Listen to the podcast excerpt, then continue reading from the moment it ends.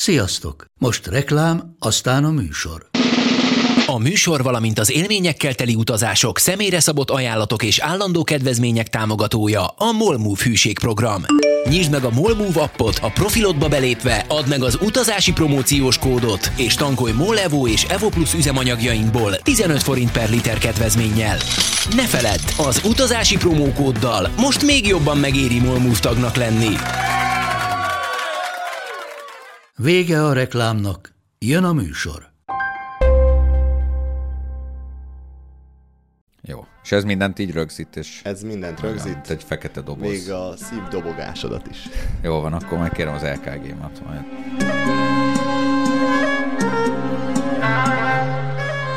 Sziasztok, drága hallgatók! Én Mátai András vagyok, ez pedig itt az Utazási Podcast 12. része, amiben egyszerre két világba is belekóstolunk. Vendégemet már tizenéves korában elvarázsolta a meséskelet. Majd az iszlám afrikai elterjedésével érdeklődése egyre inkább Afrika felé fordult, ami később végérvényesen megpecsételte sorsát. A fekete kontinensbe egy életre beleszeretett. Mai beszélgető társam Szegő Andor, idegenvezető, újságíró, hátizsákos utazó.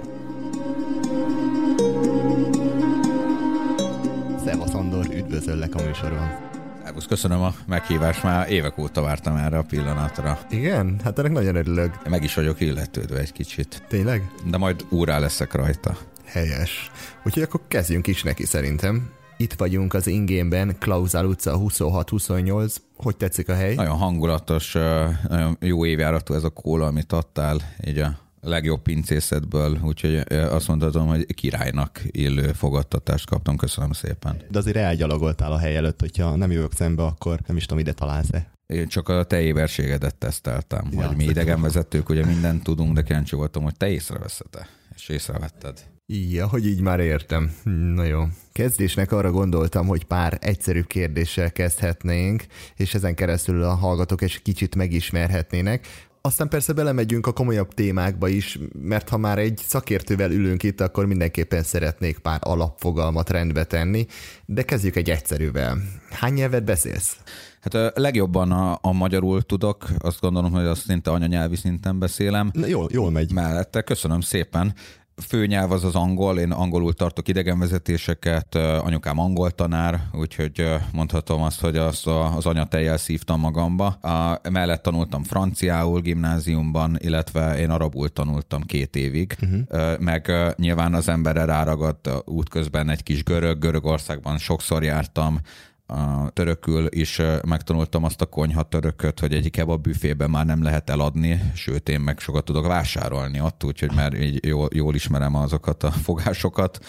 Ö, De nagyon szeretem a nyelveket, ami nyilván előny, hogyha az ember szeret utazni, meg hogyha idegenvezető. Igen. Sok szót magamra kapok, és szeretem az ilyen érdekességeket tudod megtanulni, hogy mondjuk vajdaságban is sárgarépának mondják a sárgarépát, és akkor ilyeneket megtanulni, hogy... Törökbe az alma, alma? a, elma. Elma. elma. Igen, mm. igen, de vagy a, a zsebemben sok bicska van, az meg a zsebenden sok bicsak var, tehát sok a hasonlóság, vagy tehát én nagyon szeretem az, az érdekességeket, és hát utazás közben is pont azt szeretem, hogy aki mellé leülök egy iránytaxiban, vagy a vízipipázóba, aki mellé sodródom, hogy mondja el, mondja el a történetét. És ehhez persze nyilván nem, nem kell feltétlenül utazni, nagyon jó sztorik vannak, vannak mindenhol. Így pont tegnap segítettem egy vaklánynak ott a keleti mellett keresett egy utcát, és pont volt annyi időm, hogy egy öt perc sétára volt, úgyhogy elkísértem, és akkor ő mondta, hogy a térképen erre rákeresett, én pedig kérdeztem, hogy az hogy működik, hogy ez olyan, mint egy GPS, hogy akkor a forduljon balra, jobbra, és akkor is lehet tanulni. Tehát ez szerintem már csak az emberem múlik, hogy érdekli mert tehát rengeteg téma van. Engem meg érdekelnek. Megvan a kíváncsiság, kérdezel. Igen, igen. Csak úgy, mint te. Igen. Csak most, most, most, szerepet fordított, cseréltünk. most Szerepet cseréltünk. Hány országba jártál? Igen. 64. 64. Igen, igen. Ezek e, hát európai országok, ázsiai, illetve afrikai, de szélesítettem a palettát, képzelt, szeptemberben életemben először eljutottam az amerikai kontinensre, Kanadában voltam nyolc napot, ami több ismerősöm is így kérdezett, hogy mi történt, hogy nem, hogy nem, nem, nem Kanadában, igen, nem, nem ez a klasszikus destinációd, de nem voltam még soha az amerikai kontinensen, és azt mondtam, hogy ez nem maradhat így, és ezért elmentem nyolc napra. Jött egy lehetőség, vagy kíváncsi voltál? Kíváncsi voltam. Sok kanadaival találkozom a munkám során, ezért kitaláltam azt, hogy megnézek egy francia szeletet az országból, meg megnézem az angol részt, és akkor így elmentem, és nagyon jól éreztem mhm. magam. Azok kedvéért, akik nem ismernek, azért mondjuk el, hogy a te világod ettől nagyon messze van. Leginkább a közel-keleten és Afrikában érzed igazán otthon magadat. Pontosan. Olyannyira, hogy jövő héten megyek az Emirátusokba is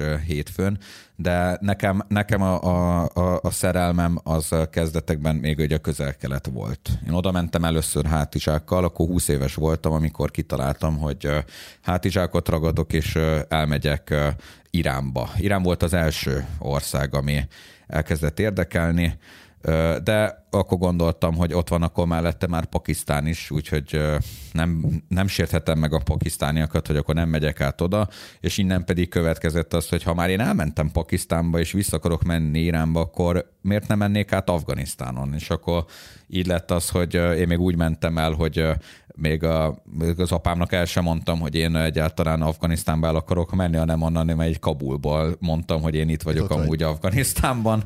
És De, akkor Ibroham Igen, igen, akkor neki fibrillációja volt, de én meg ott voltam, és ott is két hetet töltöttem Afganisztánba.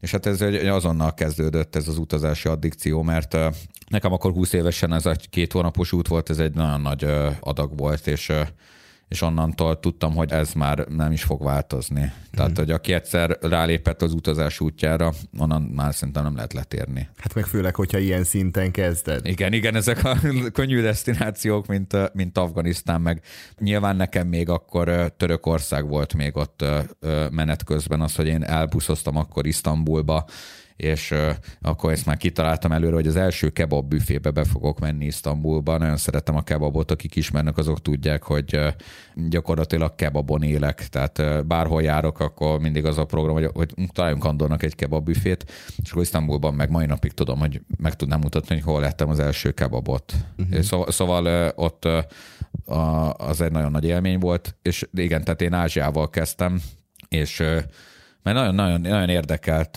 az a fajta kultúra, ahogyan úgy, ugye azt gyorsan megtanultam, hogy azt kell mondani, hogy béke veled, akkor ugye ebből következett, hogy a nyelv is elkezdett foglalkoztatni, meg hogy ez az egész mennyire sokszínű. Tehát, hogy az, hogy ahogyan mi nekünk rosszul esik, hogyha úgy gondolnak Kelet-Európára, hogy az egy tömb, és abba beletartozik akkor Lettország, meg Magyarország, mm. meg Bulgária, még minden. Hát ez ugyanúgy elmondhatják a közel-keleten, hogy mi mindent arabozunk.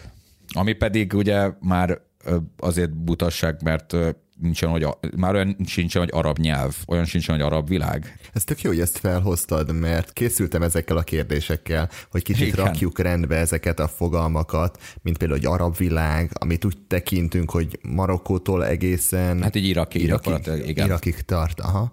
Aztán ott az arab vallás, az arab nyelv, ez utóbbiban csak dialektusok vannak. Pontosan.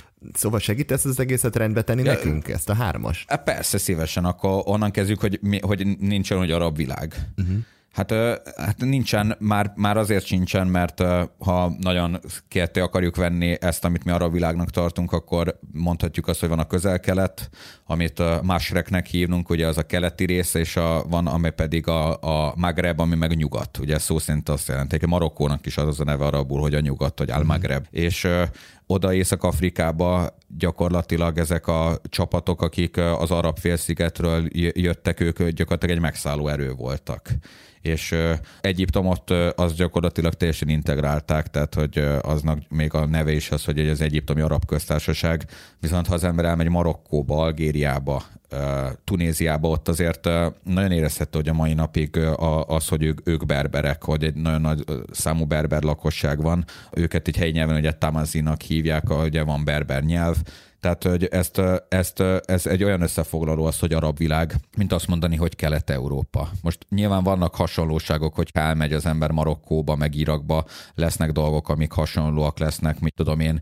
Nem az a szabály, hogy a teához adsz cukrot, hanem a cukorhoz öntesz egy kis teát. Tehát, hogy nyilván ilyenek vannak, mert nyilván a vezetési kultúra is azért olyan, hogy Keresztben nem hisznek. igen, igen, hogy, igen, hogy, hogy hisznek Istenben, de a kreszben nem, és amennyire Istenben hisznek, annyira a kreszben meg nem, de aki a hangosabban dudál, annak van igaza, ez az első tétel. Nagyobb kutya effektus. I- Ez, ez áll. De ugyan, ugyanakkor meg van valami fajta olyan ö, kedélyesség is, hogy ö, amikor volt, hogy láttam Kairóba koccanást, és akkor ott így néztem, hogy így mind a két család kiugrott abból a két autóban, ami összekoccant, olyan szűk 40 ember lett akkor ott hirtelen, és akkor hogyan ott így üvöltöttek egymással, én akkor ott így megálltam mellettük, de ők ezt nem is kérték ki maguknak, sőt, így még volt, aki kért, hogy nyugodtan fotózzak is, tehát így ilyen na- na- nagyon érdekes élmény volt, tehát mi maximum úgy tudjuk ezt, azt tudjuk mondani, hogy arab világ, de mondom, ilyen nincsen arab vallás, meg aztán pláne nincsen a muszlimok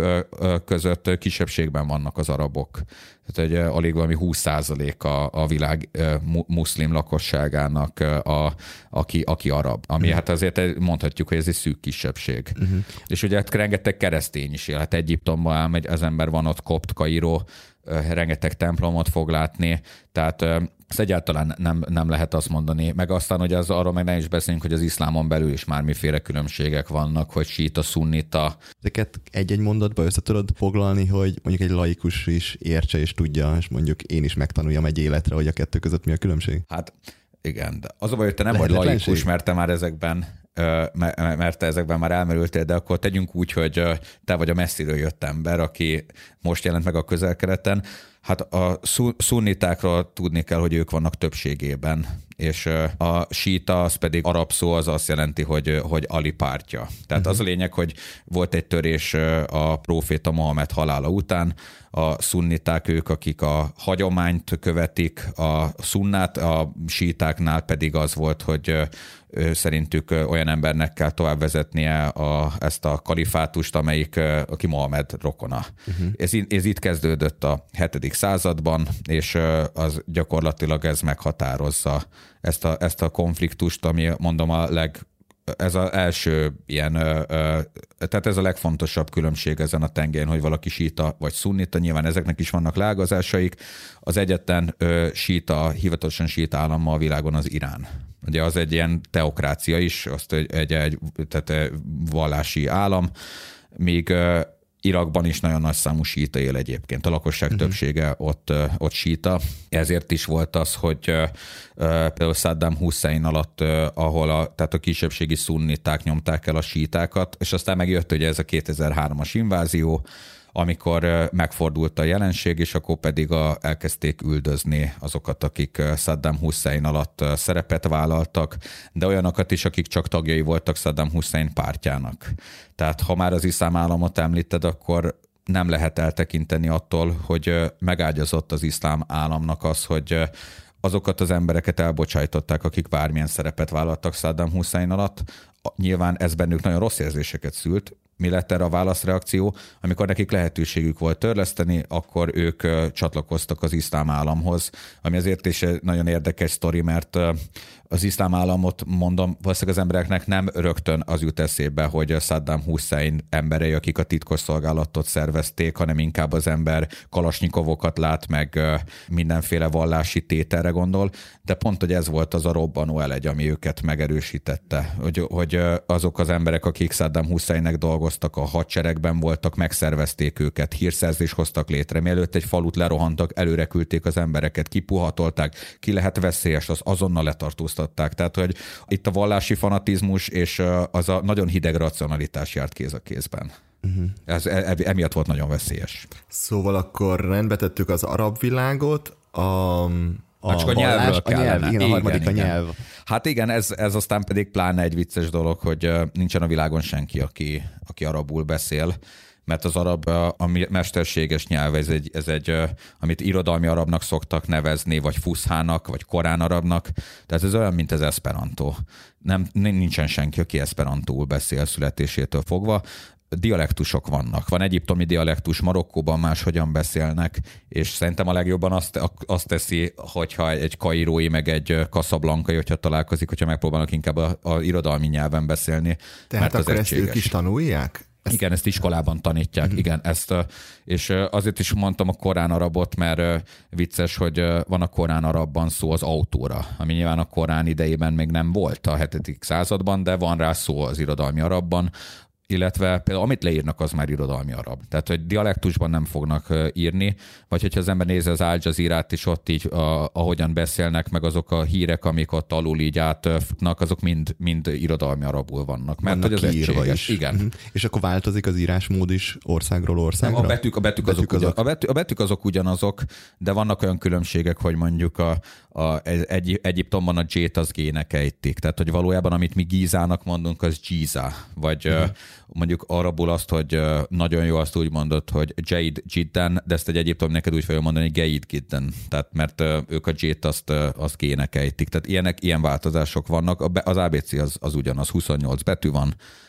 ebből 22-nek négyféle alakja van, hatnak pedig kettő. Tehát nem minden betűt lehet összekötni egymással, de ezt nem annyira nehéz megtanulni. Nem ezt körülbelül két-három hét alatt azért meg lehet tanulni, hogy melyik betű micsoda ahhoz hát Germanusszal csináltak egyszer interjút, és a Common Technical Alazár Egyetem küldötte, hogy szeretnének egy szobrot készíteni róla, és akkor ő mondta, hogy akkor azt viszont a hátsó feléről mintázzák, mert hogy ő, hogy ennyit tud, ez csak annak köszönhető, hogy nagyon erősek voltak azok az izmok, és le tudott Seggel ülni, seggelni. Igen.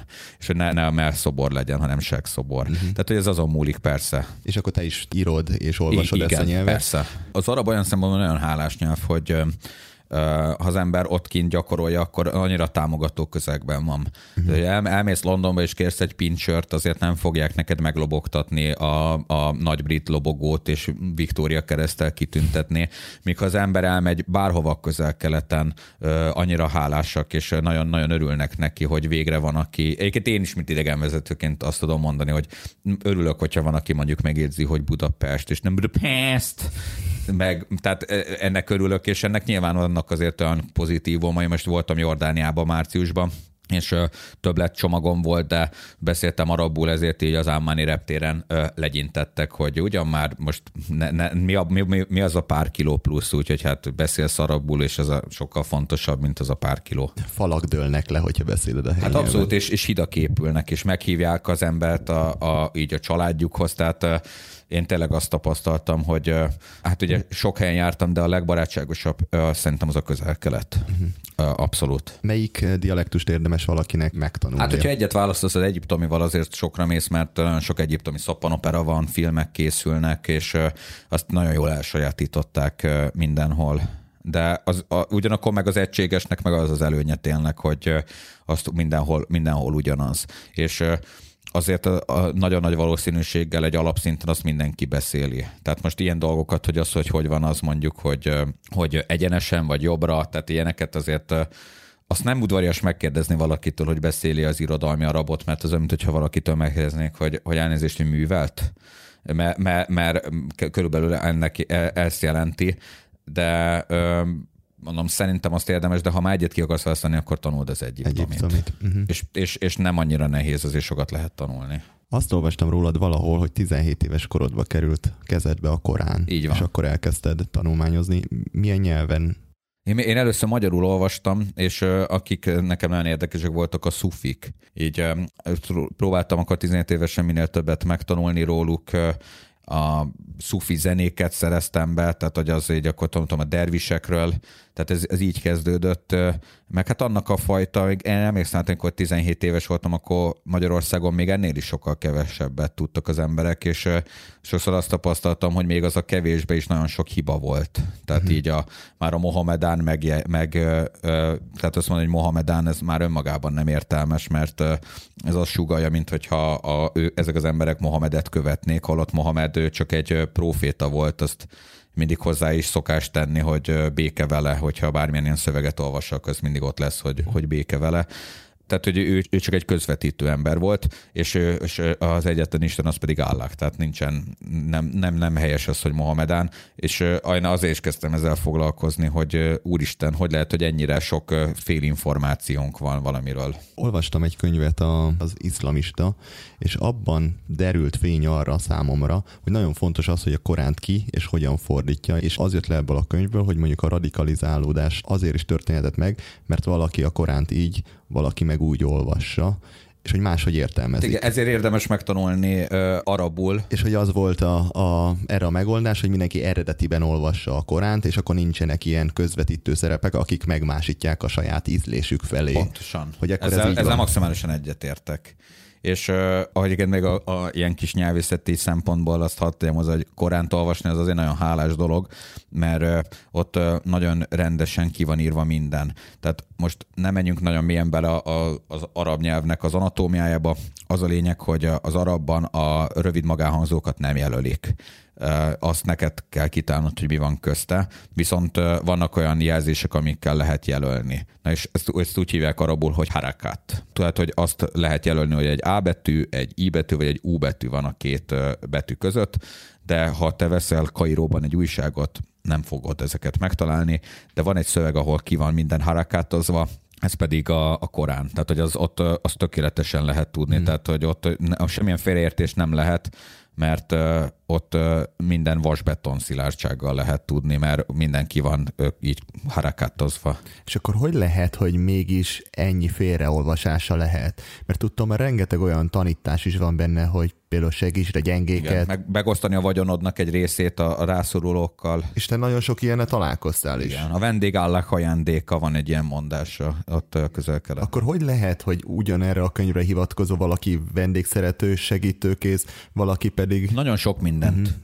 Uh-huh. Azért, mert, mert, ja, mert nagyon sok mindent ki lehet belőle olvasni. A Korán az ugye vannak a, a, ugye azt is két részre szokták osztani, csak úgy, mint az arab vannak a, a mekkai, meg a, meg a medinai rész az a legfontosabb tudni, hogy nagyon különböznek is egymástól, és nagyon, nagyon sok mindent ki lehet belőlük olvasni. De amit én azért hozzátennék, hogy, és ezt nem csak az arab világról, szerintem a világ bármely pontjára tekintve, hogy nem biztos, hogy feltétlenül a vallás a felelős azért, hogyha valami történik. Tehát, hogyha történik valami a Vatikánban, akkor nagyon kézenfekvő lenne azt mondani, hogy mert a katolikusok, de én azt gondolom, hogy a vallás is az csak egy, az csak egy aspektus a, a világnak, és vajon az, hogy egy egyéni ember már amit tesz, már belegondolsz abba, hogy mi volt a mozgatórugója, hogy ez csak egy magyarázat. Tehát én azért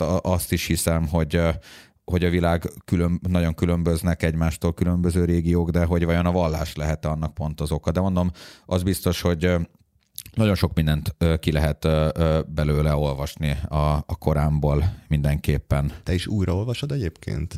Persze, hát egy pár évenként érdemes, meg tök jó megvan elkönyvben is, úgyhogy bárhova magammal is tudom vinni sőt, ezt még így ingyen az Amazonról még le is lehet tölteni, tehát hogy az olyan, hogy nagyon, nagyon, nagyon könnyű hozzáférni, és olyan szempontból meg nagyon, nagyon egy nagyon nyitott vallás, ember elmegy egy meccsetbe, behívják, teát kap, tehát hogy ami nekem még nagyon nagy pozitívum volt, hogy nagyon nagy nyitottsággal találkoztam ott a, már rögtön az első meccseteknél, meg, meg maga annak az esztétikája, hogy aki nem érti, hogy miért ennyire népszerű vallás az iszlám, az szerintem menjen el mondjuk Isztambulba, kék mecsetbe, és nézzen ott szét, és, és utána mondja azt, hogy ennek nincsen valami elképesztően nagy ereje. Uh-huh. Van olyan magyar fordítás, amit ajánlanál egyébként? Amit De... így, hogy már olvastad arabul, azt mondod, hogy az mondjuk egy jó fordítás? Bár, bármely... Szerintem bármelyik, bármelyik jó. Uh-huh. Igen, igen, de uh, ami szerintem nagyon jó, hogyha az ember el is utazik ezekbe az országokba, és akkor így sokkal többet meg fog érteni, hogyha meg, meg, meg érdemes sokat beszélgetni a muszlimokkal. Én mondom, én tényleg azzal találkoztam, hogy egy nagyon, hogy rengeteg nyitottsággal, és mert nem is lehet más ezt, tehát muszáj, muszáj párbeszédet folytatni, és én, én azzal találkoztam, hogy nagyon, nagyon, sok nyitottsággal mhm. találkoztam. Mm-hmm. Utazóktól én azt hallottam, hogy Szíria még az ottani országok között is kiemelkedő volt. Fantasztikus volt. És te voltál még ott a háború előtt? Én még béke, igen, én ezt mondom, én még akkor voltam, amikor volt, volt Szíria, meg volt Malév. Még Malévnak volt Malév, járata. Mm-hmm. Én 2007-ben voltam, arra szírvízumot is nagyon egyszerű volt így, így megkapni. Gyakorlatilag bárki besétált a követségre, és hozzávágták a, a szírvízumot. Maléval akkor tényleg az nagyon kényelmes volt, hogy Damaszkuszba lehetett repülni, rengeteg látnivaló volt. Én akkor ugye jártam a fővárosban, megnéztem a Chevalier nevű keresztény, keresztes erődítményt, földközi tenger partján jártam Tartusban, illetve ott a Pálmirában Tarabulian Tadmurnak hívnak, az iszlám állam szétbarmolta azt is. Tehát, hogy ott rengeteg látnivaló van, és az egy, az, egy, az egy igazi mennyország volt. Magyarország meg Szíriának egyébként elég jó kapcsolata volt a hidegháború alatt. Volt egyszer egy magyar delegáció Damaszkuszban, és akkor szóba került Bem József neve. Sokan nem tudják, de Bem József ő Szíriában halt meg. Mint a leverték a szabadságharcot, ő oda ment átért az iszlám vallásra, ami így lengyelként azért egy ilyen merészebb lépés volt, ezt a, így a, a, kikerülhetett a Twitterre akkoriban, és ott halt meg Észak-Szíriában, a Leppóban. És akkor szóba került ez a kérdés a magyarok meg a szírek között, akkor gyorsan csináltak a szírek egy friss ilyen sírhelyet ott Bemnek, hogy csak hogy így lenyűgözik a magyar delegációt, de ott van egyébként már Lengyelországba visszavitték, csak hogy így vicces volt, hogy még így, a, így gyorsan kifaragták a márványba, hogy így kedveskedjenek a magyaroknak, hogy a a barátság jegyében. Szóval nagyon jó hely volt, nagyon szerettem. És az emberek lépten nyomon pedig behívtak a házaikba. Nagyon, és, és ami még azért egy nagyon fontos szempont volt, nagyon olcsó volt magyar pénztárcával. Én akkor 2007-ben volt, hogy ettem ott egy óriás falafel szendvicset, meg egy, hozzáittam egy kólát, és az 150 forint volt, tehát nem tudtam megenni. Tehát konkrétan akkora volt az, és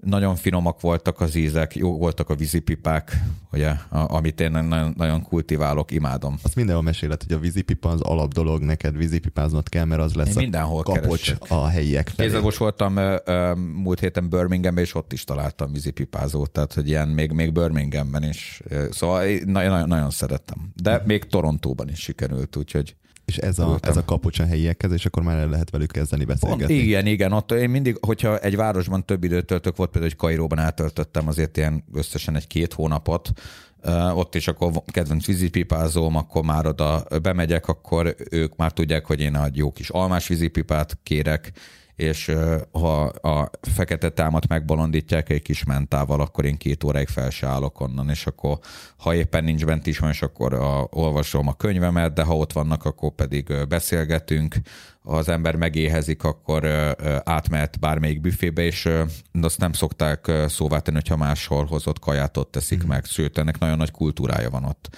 Igen, nekem, nekem ez szokott lenni egy ilyen kapocs. Meg ez a dohányzás is olyan beszélgettem egyszer egy uh, Dubájban élő angollal, és akkor ő mondta az orvosának, hogy hát most ne tilts őt a dohányzástól, mert hogy ez egy ilyen social thing, hogy az ember elmegy a vízipipázóba. Valamelyik előadásodban azt mondtad, hogy még az agysebész is szájába lóg a műtét közben. Hát kb. igen, igen, nagyon sokat, igen, igen, Do- dohányosok, igen. Igen, a közel nagyon sokat dohányoznak, de nekem ez a, ez a vízipipa ez azért tett egy ilyen uh, rituálé. Itthon is csinálom, szeretem. Szintén interjúidban mesélted, hogy gyakran előfordul, hogy aki behív magához, azoknál akár több napot is töltesz. Tehát, hogy ez nem ritka, hogy, hogy akár éjszakára ott marad. Ennyi idő alatt egy vaditengre emberre meddig jut el az ismerkedés, a beszélgetés? Nem sokáig azért, meg, meg nyilván én abban a helyzetben úgymond egy jól megpakolt asztalt látok, és azért ilyen nagyon mély történeteket egy ilyen vendéghelyzetben azért nem nagyon ismer meg az ember. Mondjuk olyan történetek vannak, volt, hogy Iránban meghívott egy család magához, és ott volt egy fekete-fehér kép a falon, és akkor így kérdeztem a srácot, aki meghívott, hogy ő kicsoda, és mondta, hogy a nagybátyja volt, aki ott elesett az irak-iráni háborúba, és akkor ott így éreztem, hogy valami szomorúság azért ott, ott, ott átsuhant. Tehát így, így ilyenek vannak. Többet lehet én azt tapasztaltam így Afrikában például utazás közben úgy tanulni. Mondok egy példát, amikor Sierra Leone-ból mentem Libériába, akkor a bozó taxiban mellettem ült egy, egy srác, aki bicegett.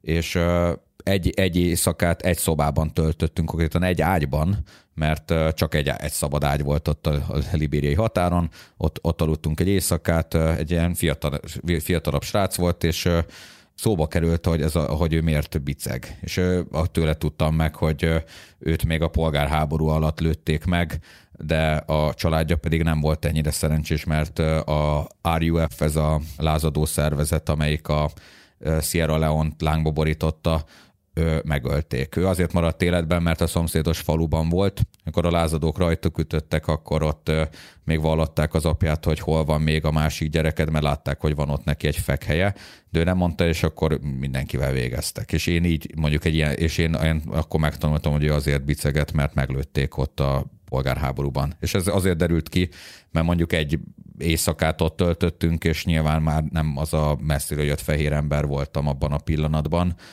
de szerencsére aztán megtudtam, hogy ő aztán Libériába családjához ment, és egyébként egy ácsként dolgozott. Tehát, hogy ilyen, ilyen történethez azért meg kell egy kis idő, hogy így eltöltsön az ember egy pár órát. Külföldiként mennyire bíznak a, az utazóban, hogy elmeséljenek akár ilyen sérelmeket, vagy mondjuk a politikai helyzetről, politikáról beszélgessenek? Ilyen helyzetben talán még könnyebb dolgom is van, mert én akkor találkozom ezzel az emberrel, többé nem is fogunk találkozni, tehát egy kicsit olyan, mint egy ilyen instant pszichológusként. Panaszkodnak akkor? Ö, olyanra is van példa, igen. A, az, hogy éppen milyen, hol, mi, miről van szó, a, tehát politikai téren, én például volt, amikor Szíriában voltam, akkor próbáltam egy kicsit beszélgetni a aktuál politikai helyzetről, de egy, egyszer volt erre példa, és akkor ott így mondta nekem, a, akivel beszéltem, hogy nagyon szép időnk van tényleg, és akkor éreztem, hogy oké, okay, akkor ezt most fejezzük be.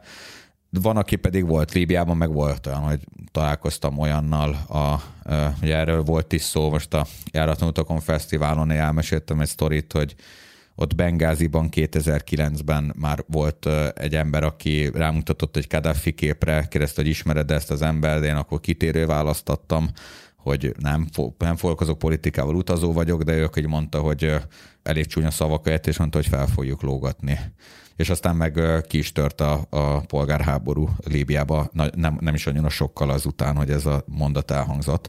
Szóval ilyen, ilyeneket lehet érezni. Hát nyilván ahhoz sokkal nagyobb volumenű a történelem, hogy az ember csak úgy ne érezze meg ezeket a dolgokat ott mhm. kint. Ha már az emberek hozzáállásánál tartunk, azt hallottam még valahol az arab tavasszal kapcsolatban, hogy ezekben az országokban igenis szükség van egy keménykezű diktátorra, aki rendet tart az országban, mert egy demokráciában, a nagy szabadságban nem tudnának az arab emberek élni. Szerinted ez így megállja a helyét? Hát maradjunk akkor most csak Egyiptomnál. A Egyiptomot szokták a arab világnak a legfontosabb országának tekinteni, ami kulturális változás Kairóban elindul, az általában eljut a, a régió más országaiba is. Egyiptom, a, ugye azt lehet tudni, hogy ott volt egy monarchia a britek támogatásával, az 50-es években megjött egy, egy a szabad tiszteknek a, a, egy szervezet volt, egy katonai szervezet volt, akik elsöpörték ezt a királyságot, és létrejött egy katonai diktatúra, amelyik tartott ugye addig, ameddig Mubarak meg nem bukott, akkor utána volt egy ilyen interregnum állapot, jött a, a Mursi, aki a muzulmán testvériségnek volt a, a vezetője, és aztán pedig ez egy évig tartott, ez 12-től 13-ig, utána pedig visszajött a mostani ez a, ez a CC nevű vezető. Tehát hogy nem az a helyes, ha azt mondjuk, hogy Egyiptomnak van egy hadserege, inkább mondjuk úgy, hogy a hadseregnek van egy Egyiptoma. Tehát olyan szinten van beágyazódva, hogy számtalan szállodája van a hadseregnek, éttermei. De jó esély, hogyha az ember elmegy Egyiptomba, akkor valamilyen módon biztos, hogy fog pénzt folyatni a katonaságba és ott ennek tényleg van egy nagyon régi hagyománya, hogy a, hogy a hadsereg a legerősebb, és ők szabják meg, hogy mi fog történni. És nekik rendet is kell tartani? Tehát, hogy, hogyha mondjuk a hadsereg kicsit engedne azon a gyeplőn, akkor úgy elszabadulna a pokol? Hát ez vagy? egy jó kérdés. Ugyanakkor pedig nem csak az arab világ, hanem valahol a, a világ minden országában van igény arra, hogy legyen vezetés. De ilyen, ilyen szempontból egyébként meg nagyon, a, nagyon nagy változás nem volt a, azokon a területeken, amiket az iszlám állam ellenőrzött, nagyon szigorú szabályok szerint volt ott is szabályozva, tehát hogy az, hogy nyilván sokkal szigorúban volt, mint hogyha az ember elmegy Egyiptomba, és simán elmehet vízipipázni. Az iszlám állam még a vízipipákat is összetörte, dohányzást tiltotta, de ami például nagyon érdekes, hogy a dohányzást még ők se tudták eltörölni, tehát még a cigaretta csempészetet ők se tudták visszaszorítani, úgyhogy inkább nagyon drágán adták a cigarettát. Tehát van olyan dolog, amivel még lefejezéssel sem lehet úrá lenni. Na most a, a cigaretta az olyan volt, hogy még, azt még ők se tudták. Tehát, hogy, hogy, hogy az, hogy ez vallásból fakadó nagyon kemény rendszer van, vagy akár, mint most mondhatjuk a tálibokat is Afganisztánból, vagy hogy egy katonai diktatúra van, ami Egyiptomban volt, hát ezek nagyon szigorúak tudnak lenni ott a közelketen, de aztán sokszor meg ezekből sem tartanak be azért mindent. Tehát így a hivatalosan Alexandriában nem szabad a villamosra rákapaszkodni és úgy utazni, de mindenki úgy utazik azért ettől függetlenül. Hmm. Akkor ez, hogy az arabok lázadóbbak lennének, ez, ez így nem igaz. De szerintem nem, nem, szerintem nem. Hát azért az arab tavasznál azért láttuk, hogy egy királyságot sem söpört el. Tehát voltak tüntetések Jordániában, mai napig is vannak, voltak Marokkóban, még Bahreinben is. Amik azért eltűntek, azok úgymond ilyen világi vezetők voltak az arab tavasz során. Tehát ez, ez is egy érdekesség, hogy a, ha még lejjebb akarjuk szűkíteni az arab világot, akkor nagyjából két dolog van, vagy vannak a államfők, meg vannak a királyságok, vagy sejkek, vagy ahogyan szeretnéd nevezni őket. Az arab tavasz egy királyságot sem söpört el. Tehát, hogy a, a tradíció, az, azért azzal találkoztam, hogy, a mona, hogy ennek a monarchiának van egy nagyon fontos ilyen tradíciója. Tehát, hogy amin mi azt mondjuk Angliában, hogy egy szimbolikus dolog, annak ott sokkal inkább van. Tehát elmész például Jordániában, bárhova bemész, ott van kint a királynak a képe van olyan hely, még a mostani királynak az apjának is. Marokkóba is ugyanezzel találkoztam, tehát hogy kint van, tehát hogy ők, ő, ők, ők tényleg őszinte tiszteletet éreznek, uh-huh. és, nagyon, és ez, ez náluk egy nagyon jelenlévő dolog. Uh-huh. Értem. Na most kanyarodjunk rá a konfliktus zónákra, mert tudom róla, hogy te szeretsz ilyen helyekre járni. Mi vonz téged ezekre a helyekre? Hát most így nekem is ezen el kell gondolkodnom, mert lehet, hogy van, aki hallgatja ezt a beszélgetést, és azt mondaná, hogy eszemágában nem lenne elmenni Afganisztánba. De én, amikor Afganisztánban voltam, nekem az volt az első háborús terület, ahol voltam, nagyon fiatal. Ez, bocsánat, ez még a leges-legelső út volt, amikor 20 van, éves voltam? Igen, igen, 20 évesen akkor ez az az út volt.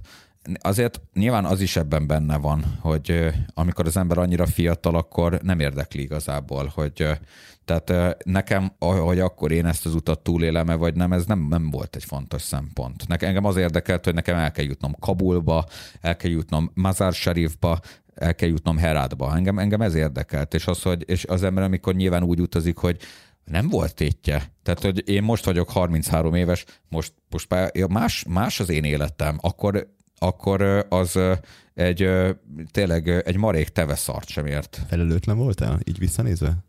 Hát a, a, a felelőtlenség, hát nem, én tényleg egy, egy zuhanó repülésben voltam, de nem mondom azt, hogy nem volt félelmem, mert amikor például megérkeztem Afganisztánba, már aznap volt egy robbantás ott Kabul felé, ahol én mentem, ott láttam egy lángoló konvojt magam előtt, meg akkor ott nyilván egy-két napig nagyon féltem, de aztán meg ez egész egyszerűen átragadt a helyiek érzése, hogy, hogy ők meg nem féltek. Uh-huh. Vagy, vagy ez egy ilyen adrenalin keresés volt, hogy élvezted Igen, és egyébként, ér, egyébként meg ugye az nagyon ilyen izgalmas érzés volt, hogy úristen, én Budapestről az ötödik kerületből eljöttem, és nem voltam soha katasztrófa turista, tehát hogy én azért még soha nem mentem sehova, vagy ne azt nézem, hogy mások hogyan szenvednek, sőt, uh-huh. én mélyen megvettem ezt a viselkedést, mert nem mindig ott volt a, az adott kultúrának a megértése iránti vágy.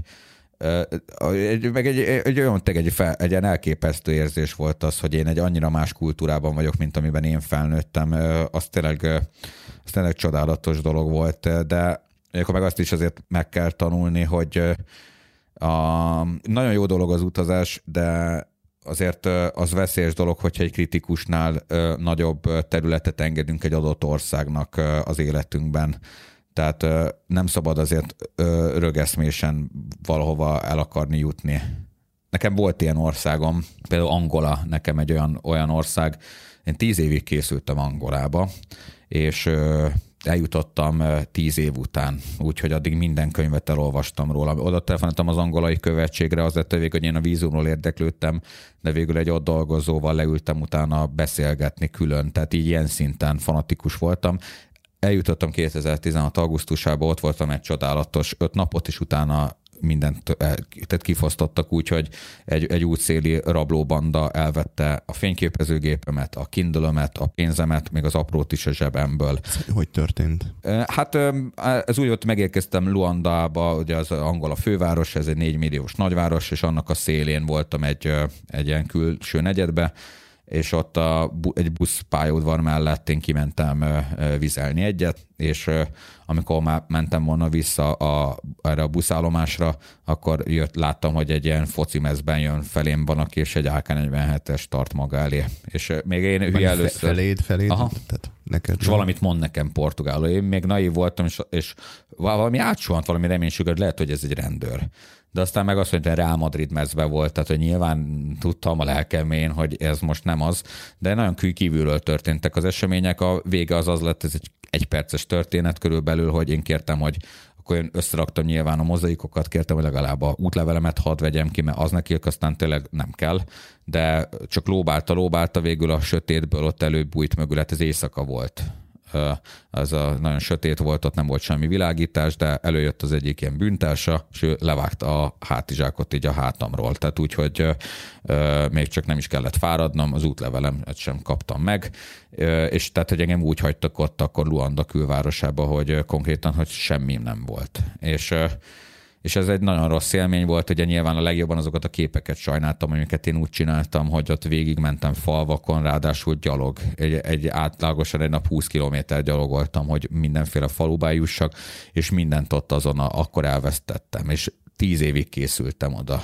Mit csináltam utána? Hazajöttem Budapestre, és azt mondtam, hogy vissza kell mennem. A következő egy évben megterveztem a következő utat, lefoglaltam a repjegyemet a Fly Emirates-el, elrepültem Angolába, arra gondoltam, hogy egy hónapot kint leszek, az első nap egy vidéki városba oda jött hozzám van, aki egy késre egy templom mellett is elvette a fényképezőgépemet. Akkor, akkor más nem volt nálam, csak a fényképezőgépem. Tehát én, én kétszer mentem Angolába, ez volt az álmom, hogy én, én oda eljussak, eljutottam, és nem jött össze, és valahogyan akkor nekem akkor azt kellett megértenem, hogy nem volt ember Magyarországon, aki jobban vágyott Angolába. De talán még a világon se. Csak akkor nekem rá kellett jönnöm arra, hogy szép dolog Angola, és beváltani ezt az álmot, de hogyha úgy nem vagyok teljes emberek, boldog ember, hogy ha, ha nem jutok el Angolába, akkor Angolával együtt sem leszek az. És hogy nekem valahogyan ezt el kellett engednem, és azt kellett mondani, hogy, hogy ez nekem nem jött össze. És, és most már elengedted? Igen, igen.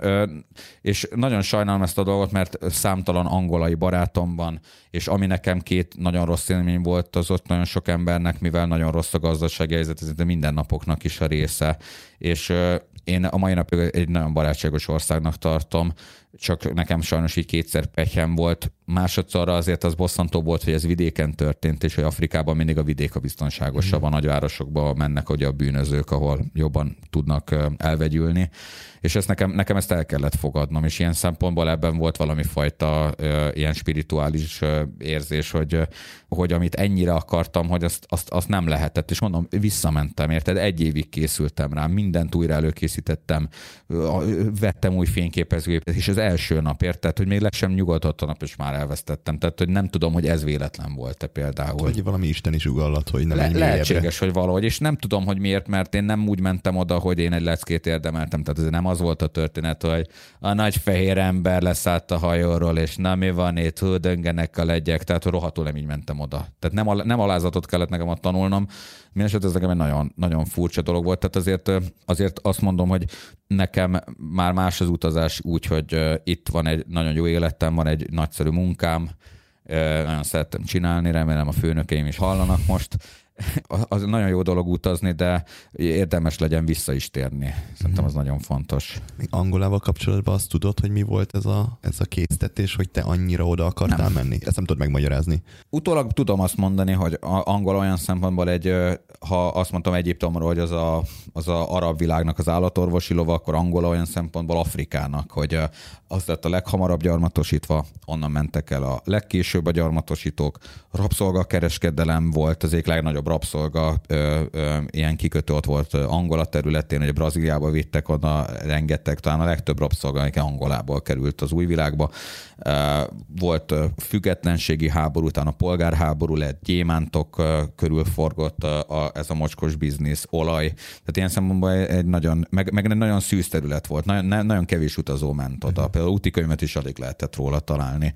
Én meg akkor azt éreztem, hogy ez pont nekem való terep, és szerintem azért ezek, ezek fontos szempontok voltak. Polgárháború vége után te mennyivel később mentél oda? Azért én jó sokkal azután 2002-ben ért véget a polgárháború, de például mai napig Angola lett Afrika egyik legelaknásítottabb országa.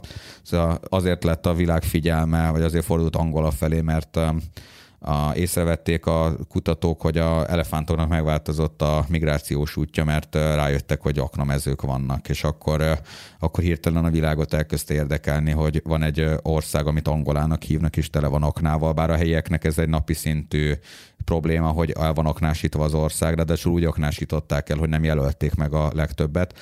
De van egy nagyon ö, jó szervezet, az a nevük, hogy Halo, H-A-L-O, nem tudom mi a rövidítése, Halo Trust, de, de ők például ott vannak Angolába, és aknamentesítenek. Találkoztam is ott egy ö, városnak, a, a Huambo városában találkoztam az ottani misszió vezetőjével, ő egy skót volt 2016-ban, és ő mutatott nekem aknákat, és ők például ezt a munkát végzik. És tényleg ez egy ilyen, sajnos egy ilyen az életre is egy nagy igazság, hogy hogy nagyon könnyű valamit szétbarmolni, és hogy visszaépíteni. Hogy nagyon könnyű volt ezeket az aknákat lerakni, aztán meg megtalálni őket, meg sokkal, mm. sokkal nehezebb. És a gyémánt kereskedésre is bármilyen szinten tudtál kapcsolatba kerülni? Nem, a, én nem voltam ott, én ott, ott nem voltam gyémánt vidéken Angolába, de Sierra, ne, Sierra Leone-ban igen, igen, voltál, ugye? igen, igen. Angol, Angola sokkal nagyobb is, ez egy legnagyobb afrikai ország, tényleg elképesztően mm. nagy.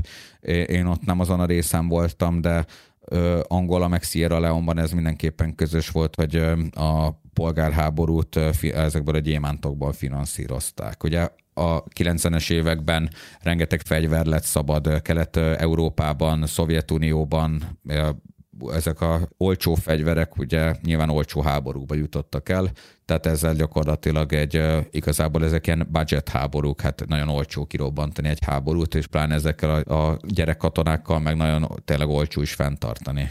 Hmm. Ez, a, ez, a, ez a, ugye a mi másik, ez a gyerekkatonaság intézménye az, ami ilyen hogy sok embernek azért azt mondom, hogy Afrika lehet, hogy nem egy, neke egy gyerekkatona fog először eszébe jutni. Igen. Pedig egyébként ez aztán meg nem is egyébként egy afrikai jelenség, sőt, nem tudom, hogy tudod-e ki volt az első gyerekkatona a világon. Megmondom neked, Dávid volt. Ő még kiskorú volt, amikor megölte Góliátot.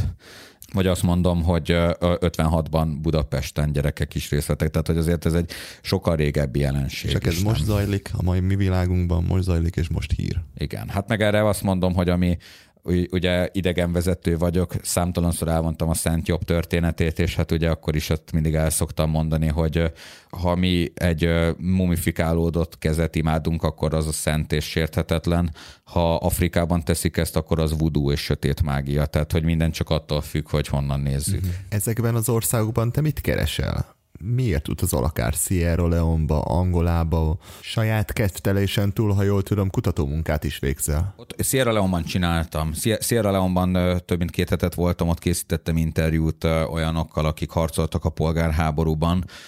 Szeretnék is én egyszer erről többet is írni, csak, csak nehezen megy az írás. Nem tudom, hogy lehet, hogy... Beszéd, te... inkább beszélned kéne. Egyébként igen, igen, beszédben sokkal erősebb vagyok, de az a baj, hogy az ember mindig azt akarja, ami nincsen.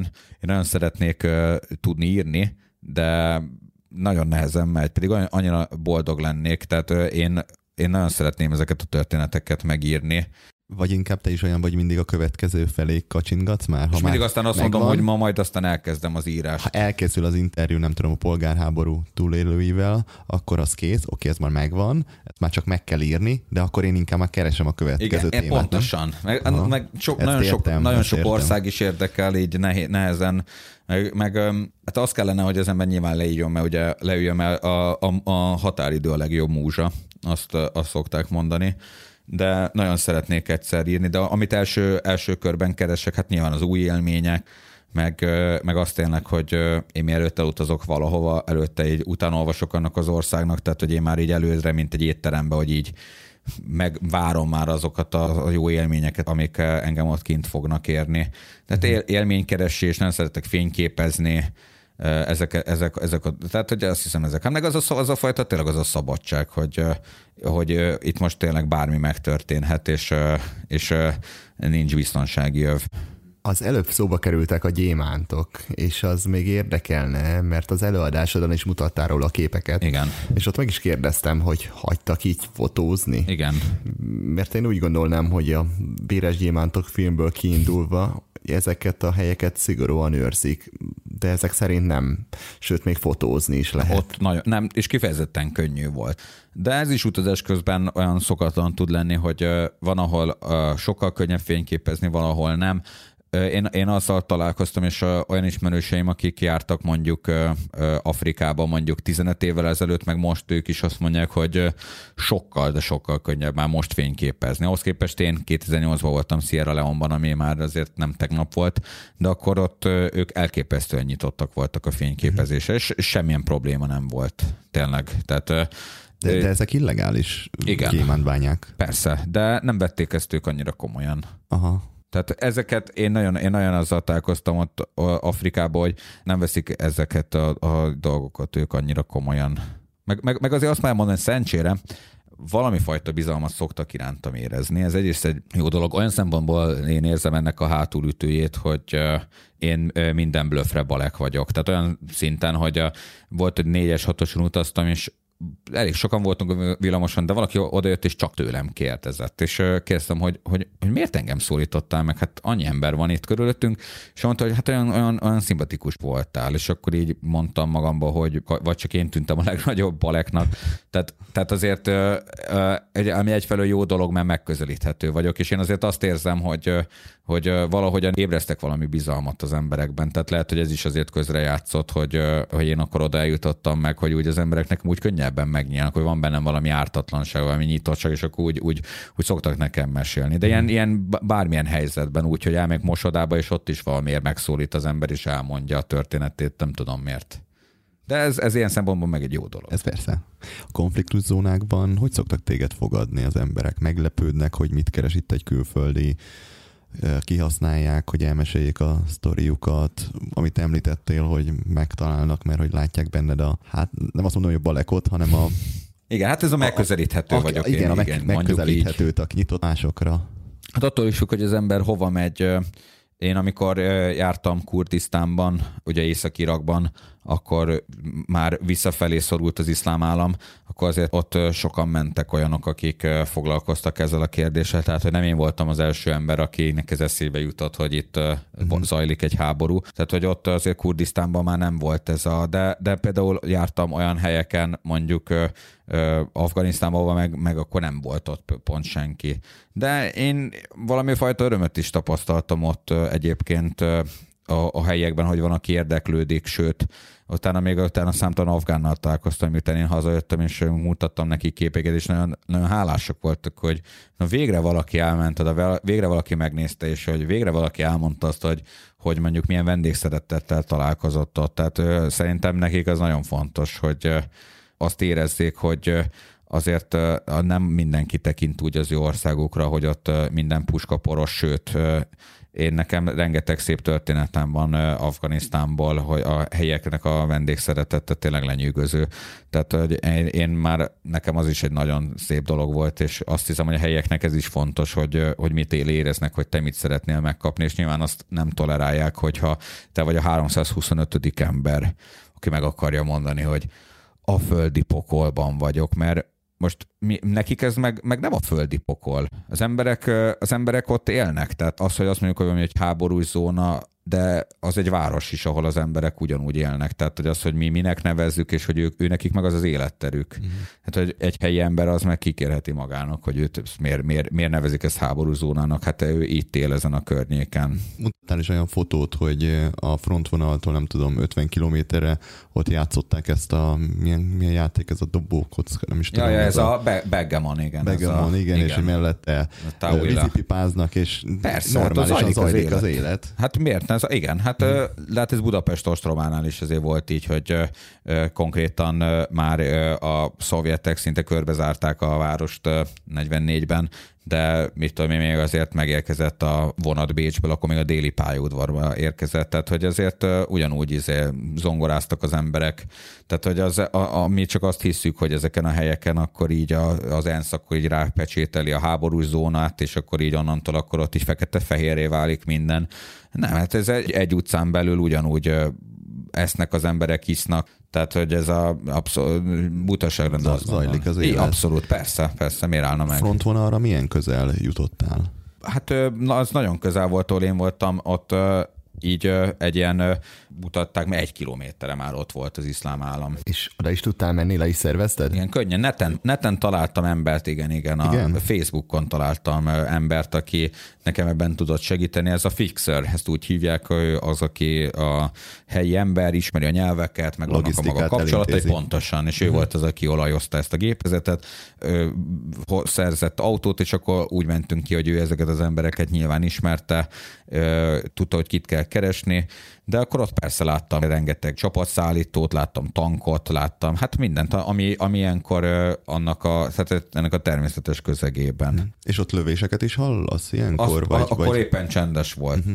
De egyébként az már az az időszak volt, amikor már a, az iszlám állam olyan szempontból megroppant, hogy a legjobb katonáik már elestek, inkább ők már így valami fajta ilyen kétségbe esett taktikaként, ilyen öngyilkos merélőkkel próbáltak előbbre jutni, de azért mondjuk úgy, hogy ha lehet ezt a képzavart alkalmazni az iszlám államra, hogy pünkösdi királyság volt, mert azért, azért aztán az ott nagyon megroppant. Tehát, hogy ami, ahogyan felemelkedett, úgy... Amilyen hirtelen jött, igen, olyan hirtelen tűnt. Nagyon el. nagy brutalitással, nagyon nagy média nyilvánossággal felemelkedett, de aztán pedig már, már aztán az bezuhant, és ezeknek a kurt profi harcosoknak ezek a hülye gyerekek, akik oda mentek nyugatról, hogy majd ők harcolni fognak, semmit nem jelentett. Tehát, hogy mi az nekik, ezek, a, ezek az idióták nézték a trónok harcát, meg a gyűrűk urát, és tényleg e- ezek voltak a három legfontosabb kulturális élmény azoknak, akik csatlakoztak az iszlám államhoz, az a Harry Potter, a gyűrűk és a trónok harca. Ők elmentek oda,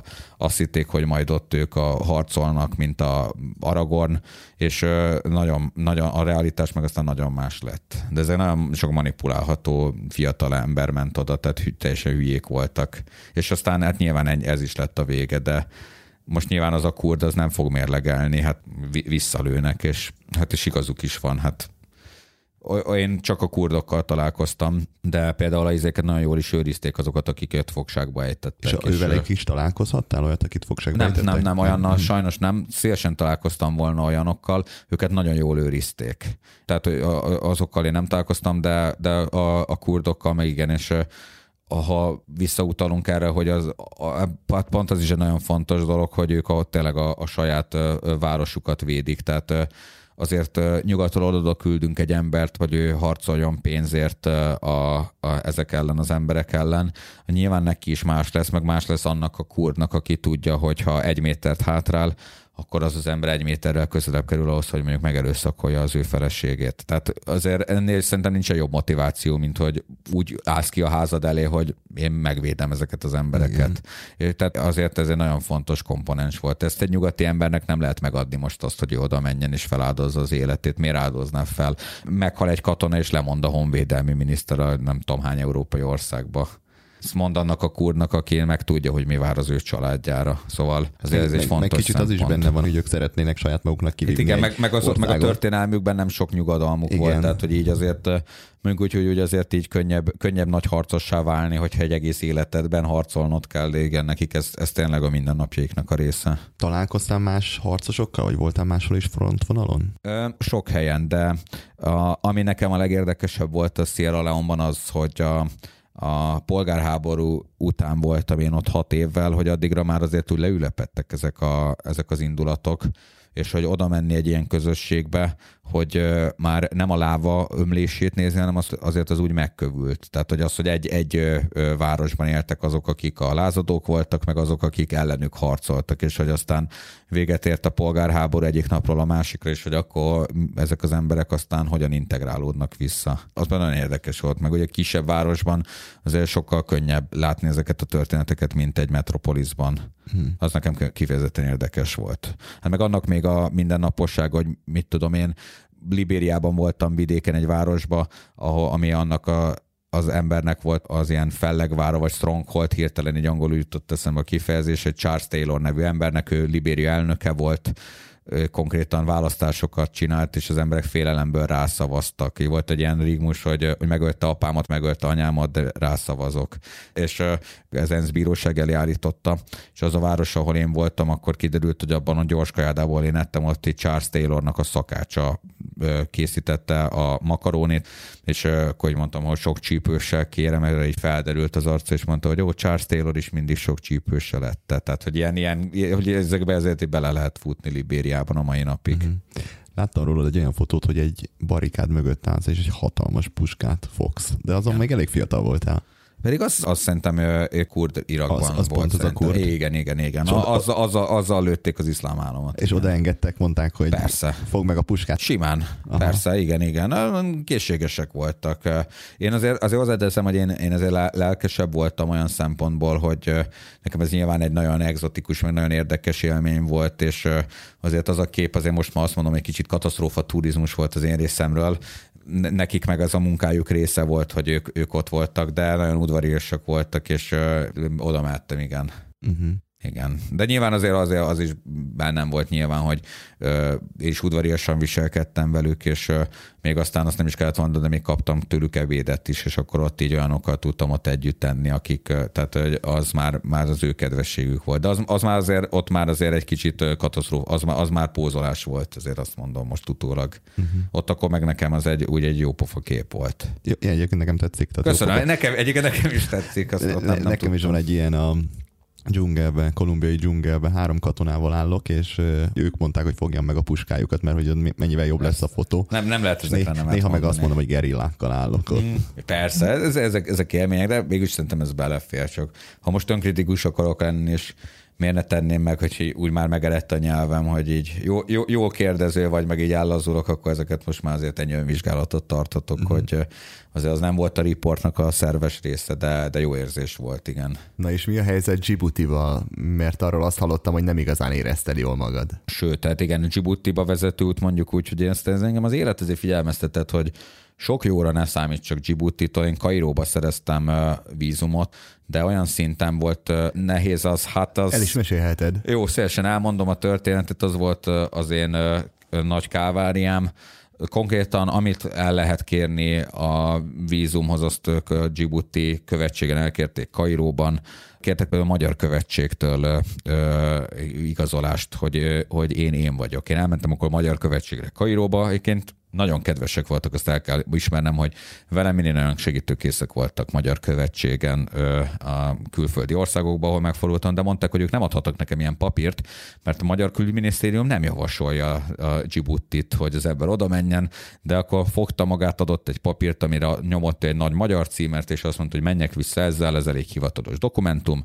Visszamentem, elfogadták, és akkor még a végén azt kérték, hogy ilyen tevebőgést mutassak nekik, mert hogy izé, és nyilván megtettem tettem, mert a, mert a kezükben voltam, tehát hogy bármit kérhettek volna, és Ezt akkor még ez is... belőle hülyét körülbelül? Igen, persze. Tudták, hogy bármit megteszek. Tehát, hogy az a, hogy akkor már valami ötötszörre mentem oda-vissza, és akkor még, még valamit iktatni, tehát tényleg ez a az már tényleg az a szint volt, hogy, és, és akkor már végül is meg is kaptam, csak még ez volt az utolsó, hogy még a méltóságom, ami még maradt, azt a pár morzsát, azt még el kellett venni. És... Sőt, lehet, hogy a végén még ez lesz róla a felvezető hogy aki még a tevebőgést is utánozta, csak hogy bejusson Djibouti-ba. Igen, ez lehetne akár az önéletrajzi kötetemnek is a címe, szóval az, egy, az, az mindenképpen egy vicces helyzet volt, de szerencsére azért a legtöbb vízum azért nem ennyire nehéz, például az ember könnyen kaphat vízumot. Én például elefántcsontpartra arra emlékszem, nagyon könnyen kaptam, mert a, a nagykövető kifejezetten nagy Gínában voltam, ott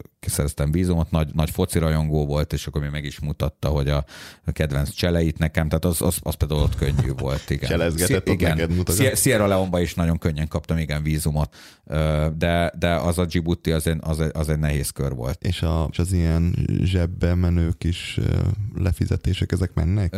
Nem minden esetben, ez is, ez is érdekes, voltam Gambiában, ami a legkisebb afrikai ország, és onnan szerettem volna visszajutni Szenegálba. Tehát azt tudni kell, hogy szárazföldön csak Szenegából Gambiába, tehát hogy csak egy országgal határos. És azt se lehet szárazföldön megyen folyón kellett átkelni, de és akkor vissza akartam venni Szenegálba, és akkor tudom, a szenegáli követségre mondták, hogy ez egy, mit tudom én, öt nap lesz. De az az öt nap is nagyon hát sok volt azért, úgyhogy akkor így megkérdeztem valahogy virágnyelven, hogy nem lehetne az, hogy én itt kiejtek egy, egy bankjegyet, és akkor ez mondjuk lehet csökken mondjuk 5 percre.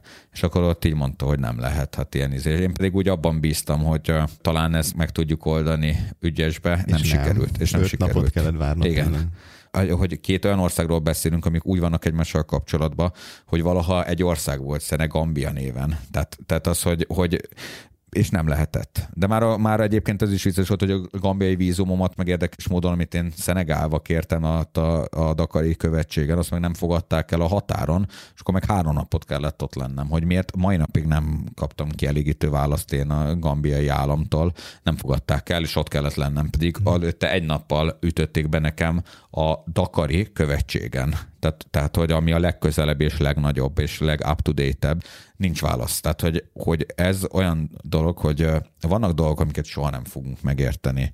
És az a legjobb, hogyha az ember ezt az afrikai vízumpolitikát ezt elengedi, mert mert a, a fekete meg, amivel Hawking professzor foglalkozott, az, az, az szerintem befogadhatóbb az embernek, de de ez már az Interstellar, nem lehet, hmm. nem lehet megérteni. Volt sok évig az volt, hogy Etiópiától délre eső afrikai országban nem adtak ki vízumot az etióp követségen. Tehát ha az ember még Szudánban meg tudta kapni, ami ugye északabbra van, akkor ott akkor volt neki etióp vízuma, de ha az ember uram, bocsák, Kenyába akart vízumot kapni, nem volt. És nem lehet megérteni, hogy miért, mert maguk ellen cselekszenek. Én azt csináltam, hogy én Budapesten szereztem etióp vízumot, többszörös belépéssel én köszöntem szépen, csak egy kávét kértem, de szóval nincsen, nem, nincsen rá válasz. Hm, de azért elég makacs vagy, és elég kitartó, hogyha valahol el akarsz jutni, akkor azért Igen. hajtasz. És... Hát ak- akkor persze, én, ha én, én, úgy vagyok, tudod, hogy ha valami engem érdekel, akkor engem az, az nagyon-nagyon érdekel, cserébe meg ha valami nem érdekel, akkor pedig egyáltalán nem érdekel. Tehát ez a, te, te, az, az, az semmilyen szinten. De ez az iskolában is úgy volt, hogy én nem tudok valami olyannal foglalkozni, ami engem nem érdekel. És mennyire vagy türelmes az ilyen helyzetekben? Azért türelmes vagyok. Azért nincs is nagyon más választás. De türelmes vagyok. Hát az utazáshoz sok türelem kell. Volt olyan, hogy bozó taxiba vártam a, konkrétan 13 órát, hogy megteljem, mert ugye csak akkor indul egy afrikai bozó taxi, hogyha tele van. Én kimentem reggel 6-ra, és este 7-kor indult, és akkor 13 órát ott kellett ülni. Tehát, hogy de, de azt nyilván megteszi az ember. Tehát, hogy én, én akkor átadom magam a helyzetnek, de Hát nincs más választás. Mm. És mi az, ami felhúz téged? Hát lehet, hogy ez az én, lehet, hogy ez az én egómról szólt, de például amikor én nagyon látványosan hülyének néztek, azt, azt nem szerettem. Még Djibouti-ban volt olyan, hogy a, mentem ott a, be, a városközpontban, és akkor oda jött hozzám egy srác mosolyogva, hogy hey, szia, megismersz? Nem mondom, tudtam, hogy akkor biztos, hogy itt valami rossz dolog lesz, mert ez egy csalásnak a mindig az első mondata, és így mondtam, hogy nem. Mondta, hogy hát nem emlékszel, hát én állítottam ki neked a vízumot a reptéren. Mondom, hogy hát ez nagyon érdekes, mert én szárazföldön jöttem. És akkor így, akkor így elment.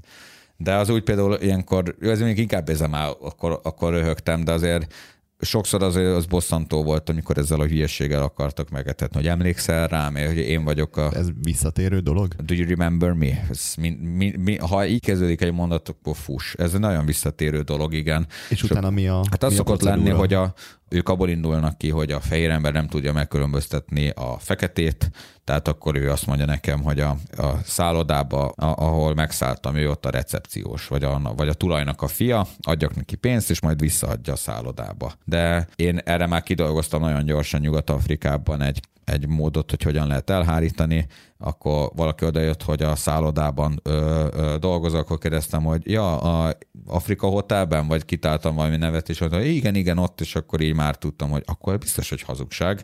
A, ezek, ezek azért így felbosszantottak, hogy vagy volt úgy, hogy a libériai határon nem akartak beengedni, és akkor már dolgozott bennem a, a malária, akkor például ott például nagyon ideges lettem, és akkor ott például már, már üvöltöttem a határőre. Emlékszem, hogy ki volt Jézus képe a, a, a falon, és akkor így, így azt üvöltöttem, hogy Jézus mennyiért engedne be Libériába, bazd meg. Tehát ott akkor már akkor nagyon ki voltam. Amikor én nagyon látványosan hülyének vagyok nézve, azt, azt tényleg nem szeretem. De lehet, hogy az ego, és lehet, hogy ezt kell elégetnem, és akkor hát, majd nem, nem fog hiszem. zavarni. De engem nagyon zavarnak ezek. Na, malária? Igen, igen, hát sajnos sikerült Nyugat-Afrikába belekóstolnom nincsen ellene orvos, tehát nincsen ellene ö, oltás. oltás tehát oltás nem, igen, csak gyógyszer pontosan. Aminek a rosszabbiknak valami 86 mellékhatása van Igen, kb. igen, a, a rosszabbik az a lariam, én meg malaront vittem magammal, aminek meg az a rosszabbik mellékhatás, hogy a pénztárcának nagyon rosszat tesz, mert igen, nagyon drága. Elég drága, meg nem tudom csak, hogy mennyi ideig lehet szedni. Én nem? azt hiszem, igen, hát szerintem egy malária tablettát sem lehet, hogy nagyon-nagyon sok ideig szedni, mert azt hiszem a májnak nem tesz jót. Igen, tehát hogy ilyen, ha valaki mondjuk hosszú időt megy, akkor Igen, én meg már azért annyira időre mentem, hogy vittem magammal, de de nem, nem is vittem eleget, meg azt a malaront, az naponta kellett bevenni, elfogyott. Meg előtte el kell kezdened, Pontosan meg egy héttel még, azt hiszem. Meg. Igen. Aha. Szóval összetett a történet, viszont sokkal egyszerűbb volt egy jó kis maláriát összeszedni, mert az, az, az arra bárki képes. És, és milyen a lefolyása? Hát én már úgy készültem a maláriára olyan szempontból, hogy beszélgettem helyiekkel erről a betegségről, ők mondták, hogy ez egy teljesen népbetegség itt, már mindenkinek volt, láttam is ott valamelyik nyugat-afrikai városban, hogy ott egy ilyen kabátban volt van, aki ott a 38 fokban, és akkor mondtad van, hogy neki maláriája van, és azért van rajta a kabát. És amit még mondtak nekem, hogy szerintük azt mindig, azt érzi az ember, hogyha maláriája van. Tehát, hogy azt, azt valahol, hogy az, az ember azt így megérzi. És rajtam ez a malária az elefántcsontparton jött ki. Olyan busszal utaztam, legnagyobb megdöbbenésem, volt rajta légkondi. Tehát ott azért, ott az a város, Abidjan, az egy nagyváros ott Nyugat-Afrikában volt rendes busz, tehát hogy azért az inkább annak a jó fejlett rész volt, és ott így éreztem azt, hogy úgy, mint hogyha belülről fáznék, nem tudom máshogyan leírni, és a lényegében ez a titka a maláriának, hogy, hogy így, így fázik az ember, vagy nagyon melege van. És akkor én már akkor azt csináltam, hogy Gánában mentem el, Patikába, ott bementem a gyógyszertárba, mondtam, ott, a, ott volt egy nő a Patikába, és mondtam, hogy, hogy maláriám van, és hogy adjon valamilyen orvosságot megkértem. Azt nyilván megerősített egy diagnózis, elmentem egy klinikára, és akkor ott csináltak egy vértesztet, ez körülbelül három perc alatt meg lehet mondani.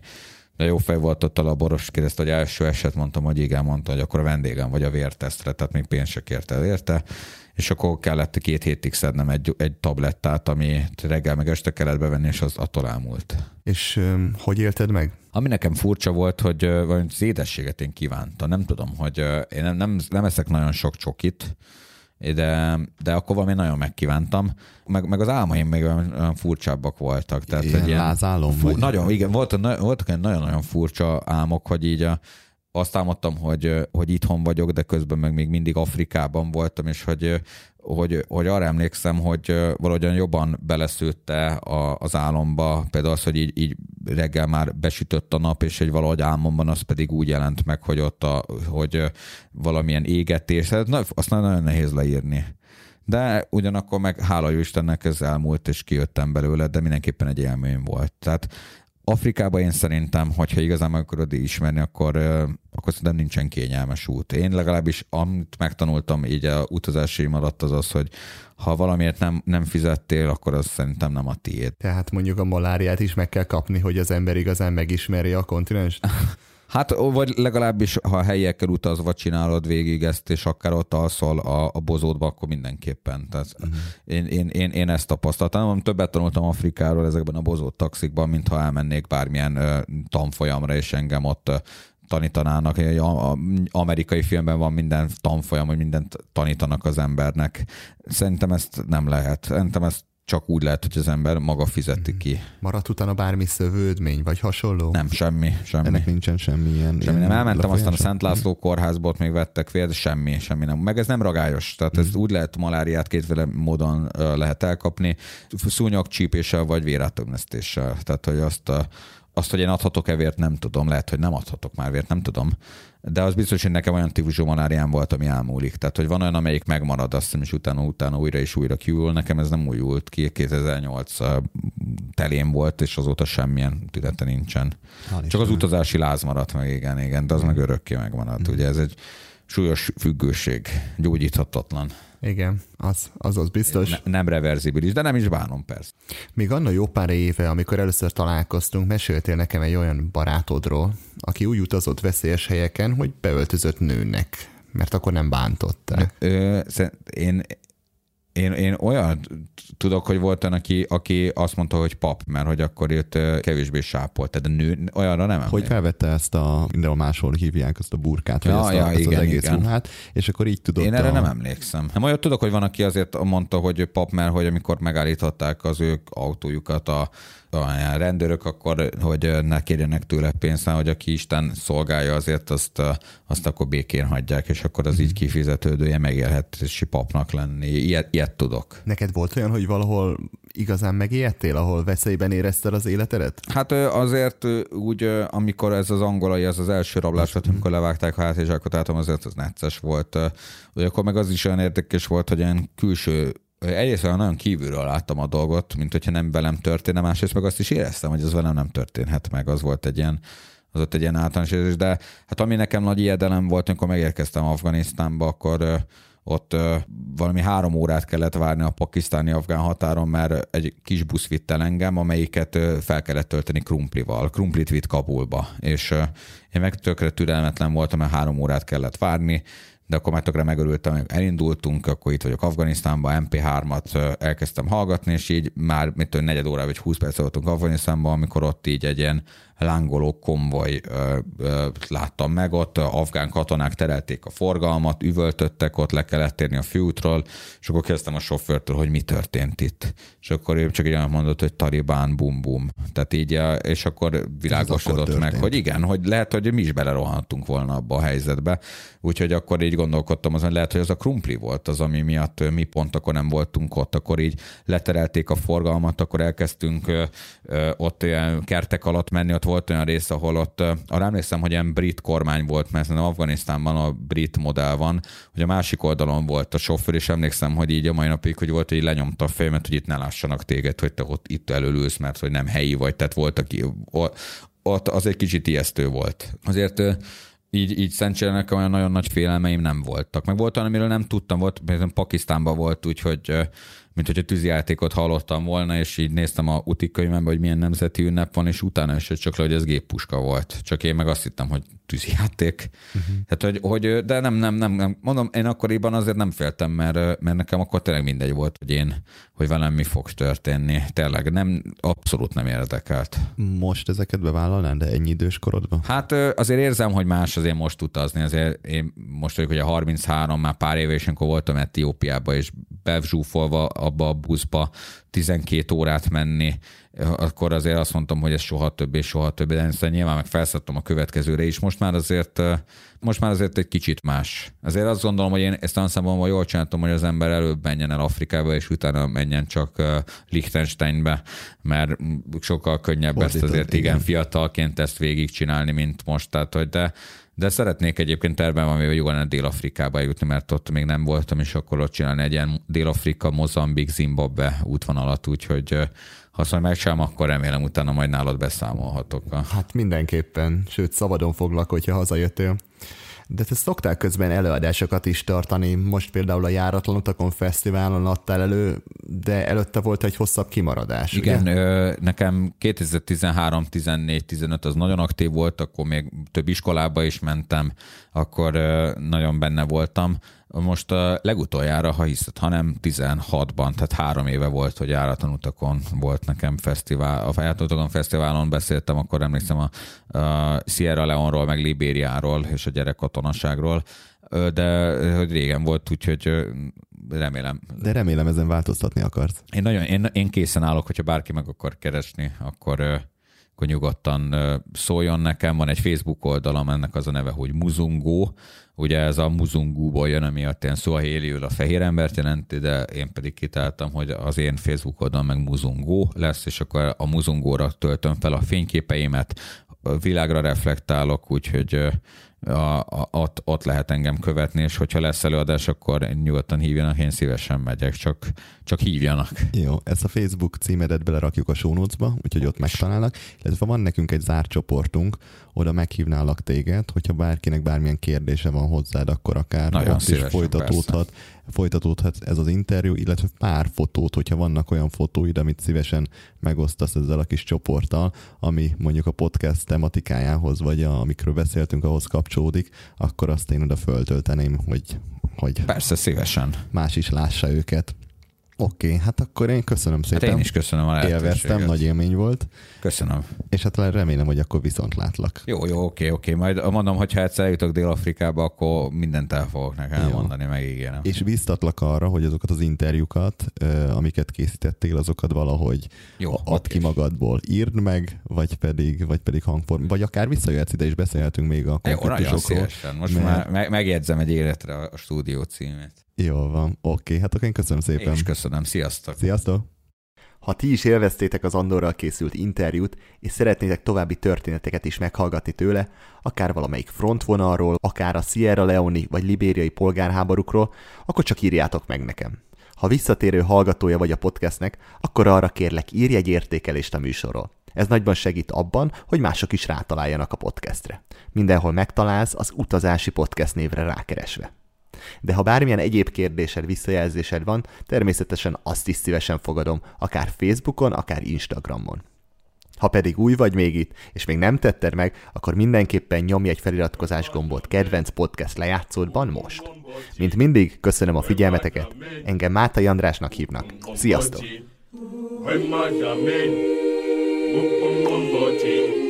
Wemadamen,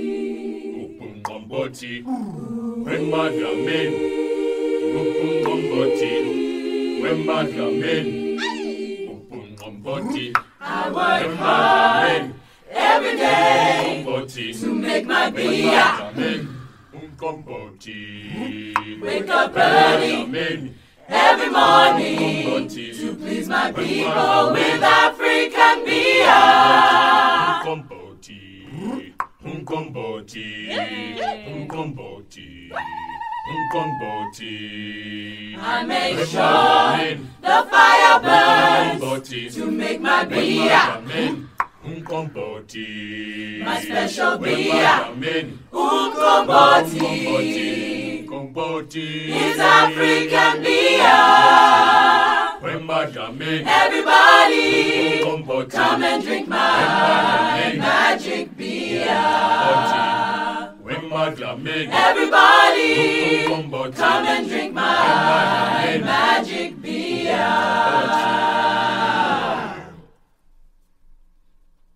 Ha más podcastekre is kíváncsi vagy, hallgassd meg a Béton műsor ajánlóját.